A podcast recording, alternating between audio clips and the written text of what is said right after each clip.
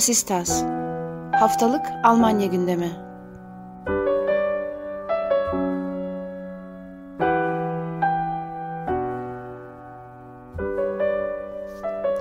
Herkese merhaba. Vasistas'ın 39. bölümüne hoş geldiniz. Ben Akın Art, Ali Sözen'le birlikte bu haftada sizler için Almanya'nın gündemini değerlendireceğiz.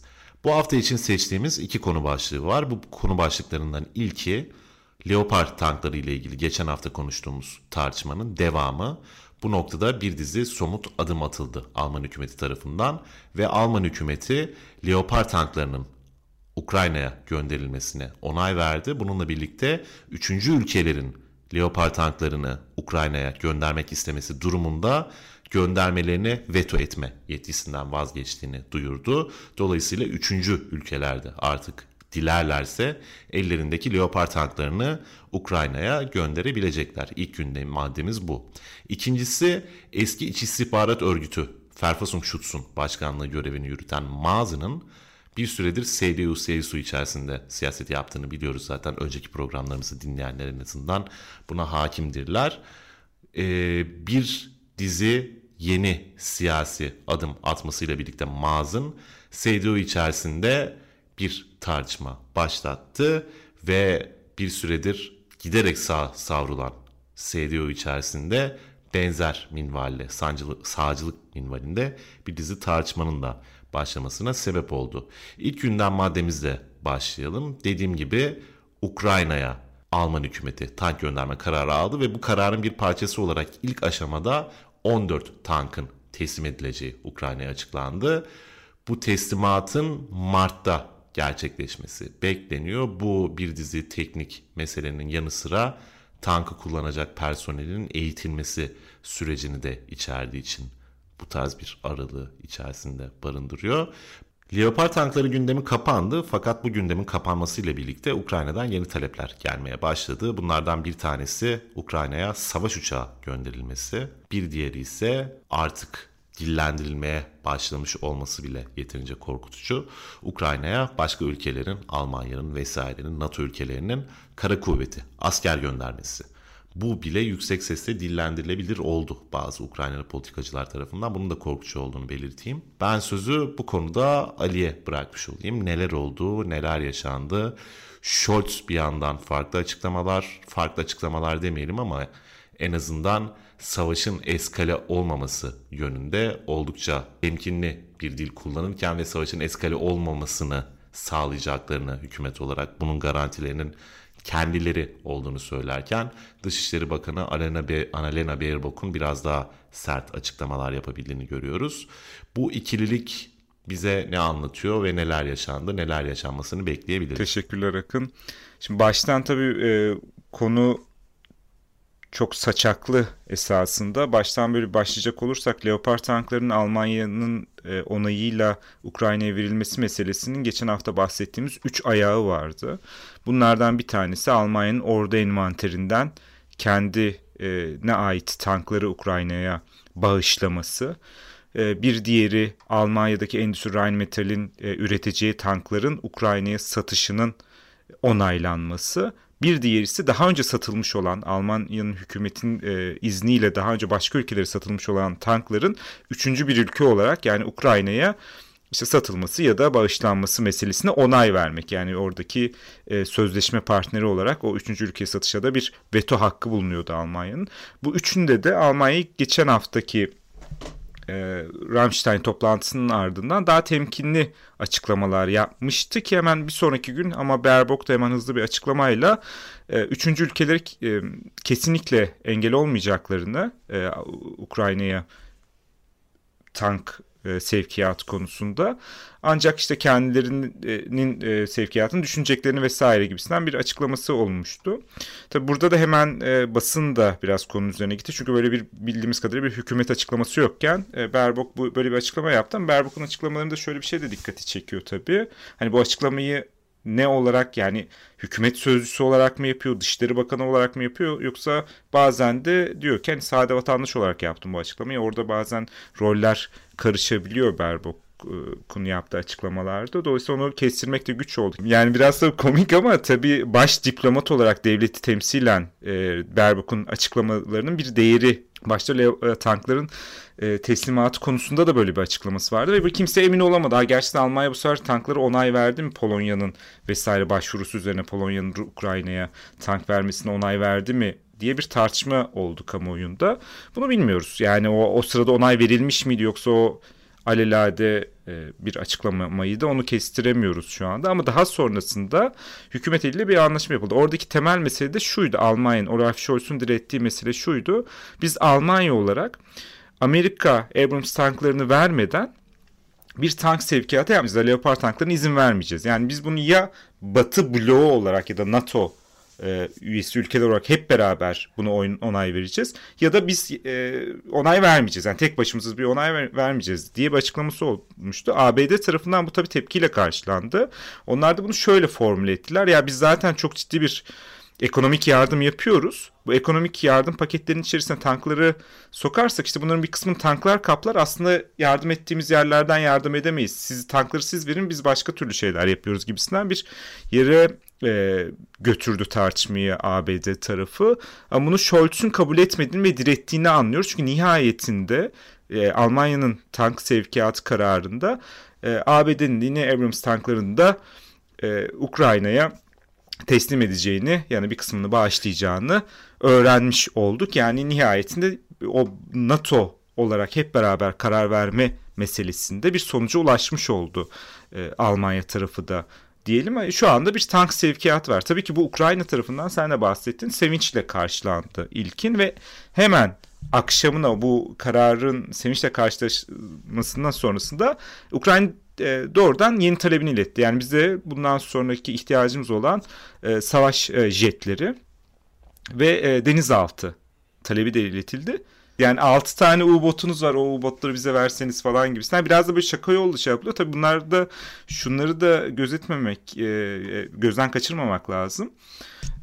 Ya bunlar savaş e, yani silahlar ya da büyük savaş aletlerinden, mekanizmalarından bahsediyoruz. Bunlar çok aslında mizahın konusu olacak meseleler de değiller ama yani bu Twitter diplomasisi yürüyor. İşte e, baş diplomatınız diyor ki savaştayız. Sonra kurum açıklama yapıyor Dışişleri Bakanı yok değiliz. Yok işte bize sende 6 U-bot varmış onu bana versene. Yani böyle bu, e, minvalde gerçekten bu tarih kitaplarında muhtemelen geçecek bir süreç. Bu diplomasinin e, bu seviyelerde yürütülmesi bakımından da e, bir e, herhalde utanç vesikası olarak da geçecektir ama nihayetinde tartışmalar bu düzlemde duruyor ve tabii ki bu tartışmanın üzerine şey tartışması bile yapıldığını görmeye başlıyoruz tartışmalar bu vaziyette olunca Almanya'da bulunan şu an Almanya'nın atom e, nükleer silahı yok atom bombası yok Almanya'ya ait sahip olamıyor ama Almanya'da bulunan Amerikan Amerika'ya ait e, nükleer bombalar atom bombalarının olduğunu biliyoruz. Bunların bir vakitlerde ileride Ukrayna'ya teslim edilip edilmeyeceği konuşulmaya da başladı. Yani şimdi burada, burada da bazı yeşiller politikacılarında karşı çıkmadığını, gerekirse yapılması gerektiğini savunduğunu görebiliyoruz. Şimdi bunu tabii ki yani daha üst düzeyden duymadık ama şimdi tartışmalar tabii ki yeni bir e, tabuyu yıktıkça bir sonraki tabuya ve senin bahsettiğin gibi aslında NATO askerlerinin orada bulunmasına, Rusya ile bir topyekun yani bunları artık dile getirmeye başladı. Tabu yıkmak böyle bir meseledir zaten. Bunu yıktıkça bir sonrakine artık zorlamaya başlar e, söylemde e, birçok insan ya da genel tartışma buraya akabilir. Bu tabii bu açıdan tehlikeli. Nihayetinde toplumda da yer alan bir e, durum oldu. Almanya sürekli Ukraynalı politikacılar tarafından eleştiriliyor. İşte yardım yapmakta geç kaldığı konusunda vesaire. Ama nihayetinde şu anda hani tüm tabuları yıkarak tüm e, silah yardımını yapıyor ve bir yandan da belki de bir sonraki adım olarak e, Alman askerlerinin orada bulunmasını da talep edebilir Ukrayna ya da başka türlü meseleler. Şimdi bu tabii biraz şey değişiyor yani e, çıkarların durumu ya da savaşın sona ermesi vesaire bir yandan e, na, Almanya'daki orduya ayrılan işte 100 milyar euronun da artık yeterli olmadığını e, bunun daha da arttırılacağını düşünüyoruz. NATO'nun o %2 olan ve Almanya'nın yıllarca kabul etmekten çekindiği o %2 gayri safi milli hasılanın %2'sini e, askeri harcamalara ayrılma zorunluluğunun %3'e çıkartıyor. Yani nihayetinde bir silahlanma yarışına ve belki de e, soğuk savaşın da ötesinde yani Avrupa'da bir sıcak savaşa e, gidecek bir meseleden e, bahsediyoruz. Bu tabii çok tehlikeli. Bir yandan ABD'nin burada söylemek gerekir ki Avrupa'ya göre tuzu daha kuru tabii. Yani bir e, coğrafi konum itibariyle bir ekonomik ilişkiler itibariyle başka bir konumda bulunuyor ABD. Dolayısıyla ABD'nin her çıkarı dolayı Almanya'nın e, çıkarı anlamına gelmiyor. Burada diplomasinin yürütülmesi, orada eskalasyonun durdurulması ve biraz daha sakinleşilmesi biraz Avrupa'nın Almanya'nın çıkarına gelen meseleler olabilir ama şu andaki tartışmanın gittiği boyutu göstermesi açısından bu e, tankların teslim edileceği e, edilmesi kararının ardından gelişen tartışmalar ve konuşmalar buraya artık işaret etmeye başladı ve nihayetinde özetle diyebiliriz ki bir tabu yıkıldı. Bundan sonra artık umarız ki daha kötü şeyler olmaz ama bize yakın dönemde barışın geleceği umudumuzun daha da e, azaldığını gösteriyor şu andaki mevcut meseleler. Evet hızlıca diğer gündem maddemize geçelim. İkinci başlığımız eski İç İstihbarat Örgütü Başkanı Mazı'nın SDU içerisinde siyasi faaliyet yürüten ve SDU'nun en sağını tuttuğunu söyleyebileceğimiz konum olarak Verti Union Değerler Birliği örgütüne genel başkan, sözcü olarak seçilmesi Maz'ın zaten bir süredir yaptığı açıklamalarla SDU'ya bile ve mevcut SDU'ya aslında bir önceki SDU'dan daha sağda pozisyonlanan, hizalanan SDU'ya göre bile sağda kalan açıklamalar yapmasıyla ve bu konuda yarattığı tartışmalarla biliniyordu. E, Verti Union'un başına seçilmesiyle birlikte SDU içerisinde kendisine karşı sesler yükseldi. Bu seslerin başını çeken isimlerden biri de mevcut genel başkan Friedrich Merz oldu. Merz her ne kadar bunun gerçekleşmesi kolay olmasa da mağazının ihracına kadar gidebilecek bir sürecin başlatılması gerektiğine dönük görüş bildirdi. Bu doğrultuda konuştu. Tabii ilginç bir durum bir süredir aşırı sağcı gibi tepkiler vermekle eleştirdiğimiz Mertz'in bir başka siyasetçi kendi partisinde üstelik eskiden bir kamu görevinde bulunmuş İç İstihbarat Teşkilatı Genel Başkanlığını yapmış. Bir siyasetçiyi bu tarz söylemlerle itham etmesi oldukça dikkat çekici. Evet Ali bunu nasıl değerlendirmek lazım sence? Ya bu gerçekten kendi başına komik bir mesele. Biraz yayın, yayından önce de konuştuk da şu açıdan e, yani trajikomik diyelim tabii. Merkel çizgisinden partiyi CDU'yu sağa taşıyan ve orada hatta aşırı sağda göz kırpan zaman zaman özellikle e, göçmenler konusunda bir yere götüren Friedrich Merz'in parti başkanının aşırı sağcı olduğu iddiasıyla partiden atılmasını talep ettiği ki partiden atılmak hani bu e, Almanya'daki partiler için çok e, alışıla geldik mesele değil çok ekstrem şey. Yani artık hani bir e, neredeyse anayasal e, suçlara giden fikirlerinizin olması lazım ki partiden ihraç edilirsiniz. Bu talebi dile getirdiği aşırı yani sağa taşıyan Mert'in aşırı sağcı bulduğu kişinin son üstlendiği yüksek bürokrat görevi nedir diye sorsak bunun aşırı sağla mücadele etme ana görevi olan Anayasayı Koruma Kurulu başkanlığı olması herhalde baş, başlı başına bir e, bunu söylemek yeterince trajikomik geliyor bana ve e, bu kişi 2012-2018 yılları arasında Anayasa Koruma Dairesi Başkanlığı yaptı. Daha önceki görevleri İçişleri Bakanlığı'nda göç e, biriminin başında vesaire. Yani böyle yıllarca yüksek e, diploma e, düzeltiyorum yüksek bürokrat olarak çalışmış İçişleri Bakanlığı'nda ya da e, istihbarat kuruluşlarında bir kişi ve en tepe e, görevleri de yürütmüş bir kişi. Daha sonra Ha, aynı zamanda Anayasayı Koruma Dairesi Başkanlığı vaktinde AFD'li politikacılarla, aşırı sadece AFD'li politikacılarla görüşüp AFD'nin nasıl Anayasa Koruma Dairesi Başkanlığı'nın soruşturmalarından ya da e, göz izlemesinden kurtulacağını dair hukuki tüyolar verdiğini biz AFD'li politika, AFD'den ayrılan AFD'li politikacıların açıklamalarından ya da itiraflarından öğrenmiş bulunuyoruz. Yani böyle çok tartışmalı ve yani kırdığı potlar, skandallar en son 2018 yılında Chemnitz'teki olan olayların aşırı sağcı orada artık e, yabancı olduğu düşünülen insanlara karşı böyle sokakta e, şiddet eylemlerini artıran aşırı sağcı nazi selamı veren vesaire grubun ortaya çıkması çok ciddi olaylar olmuş Chemnitz'te. O zaman bunların ve videoları vesaire var e, aşırı sağcı olup olmadıklarının tespit edilmesinin güç olduğunu, o e, ortaya çıkan videoların fake olup olmadığını bilmenin imkansız olduğuna falan dair böyle olayı e, küçülten açıklamalar yapması sebebiyle artık e, e görevinden başka bir göreve alınmıştı diyelim. Yani bu kişi daha sonra işte CDU'da e, aday adayı oldu milletvekili olmak için. Ki o zaman Laşet de aynı şekilde aday adayı yapıldı o e, parti yerel örgüt bunu gösterdi. Laşet o zaman e, başbakan adayıydı geçtiğimiz sene CDU'nun desteklemediğini söyledi ama nihayetinde CDU'nun aday adayı olarak oradan e, kendi bölgesinden e, bu aday olmuştu e, Maas'ın. Daha sonra seçilemedi. SPD'li e, başka bir e, kişi seçildi. E, o çıktı. Ama şu anda da bu Verte Union dediğimiz aslında CDU içerisinde bir grup. Bu grubun temel görüşü de şuydu.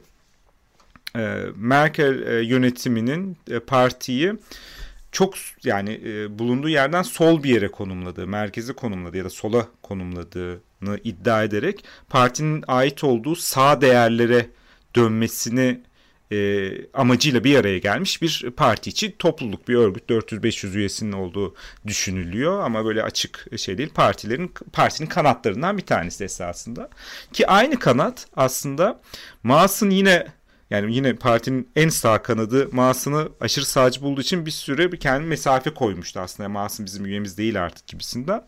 Ama geçtiğimiz günlerde e, bu e, topluluğun başkanı olarak seçildiğini ya da sözcüsü olarak seçildiğini duyurdular.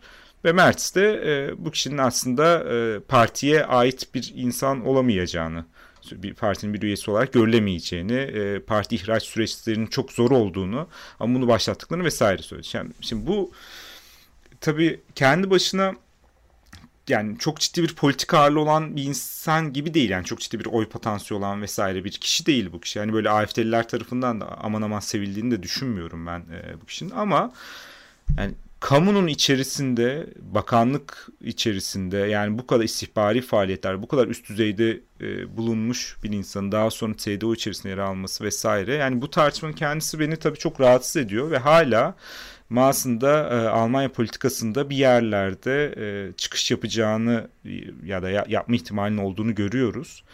Ama yani e, konunun ortaya çıkışı da aslında şimdi ben bunu biraz şöyle değerlendiriyorum. Böyle bir kişinin varlığı tabii ki rahatsız edici ama Merz partiyi sağ bir yere taşıdıkça yani söylemi oraya koydukça partinin kendi sağı da dolayısıyla hani artık aşırı sağ temas ediyor. Yani şimdi siz ne, ne kadar bu düzlemde sağa gidersiniz sizden de daha sağ biri çıkar zaten. Ve o, o zaman yani zaten faşizmin e, korkutucu tarafı budur. E, ortaya çıkabilecek şeylerden e, götürdüğünüz yerden korkarsınız. Bence Mert'in durumu da ne olduğunun farkına varması vesaire meselesi de böyle. Yani e, sırf Berlin seçimini almak için ortaya attı bu e, özellikle ya da çifte vatandaşlık yasası geçmesin diye e, ortaya attığı meseleler partiyi o söylemi o tabuları kırmak parti öyle bir yere getiriyor ki aşırı sağcı biri de çıkıp işte partinin bir kanadının temsilcisi olarak kendini ortaya atabiliyor ya da partide ağırlığı artabiliyor. Yani burada e, dolayısıyla yani e, biraz da şunu da görüyoruz. Parti içerisinde bir destek vesaire görünüyor. Merkel'in gerçekten 15-20 e, sene içerisinde ne kadar büyük bir iş yaptığını böyle bir partiyi en azından bu kadar sağa kaydırmayarak e, biraz daha merkezde bir yere konumlayarak ne, ne, neler başardığını da görmüş oluyoruz esasında bu yönden. Yani ülke yönetimi vesaire bu konuda başka bir şey ama partinin dinamiklerini bugün gördüğümüz yerde e, böyle bir yani sonuç çıkarmak da benim baktığım açıdan mümkün. Evet, gündem maddelerimiz bu şekildeydi. Bu hafta bir tarafta bir seneye yakındır gündemimizde olan Ukrayna Savaşı'nın giderek daha da yükselmesi konusu.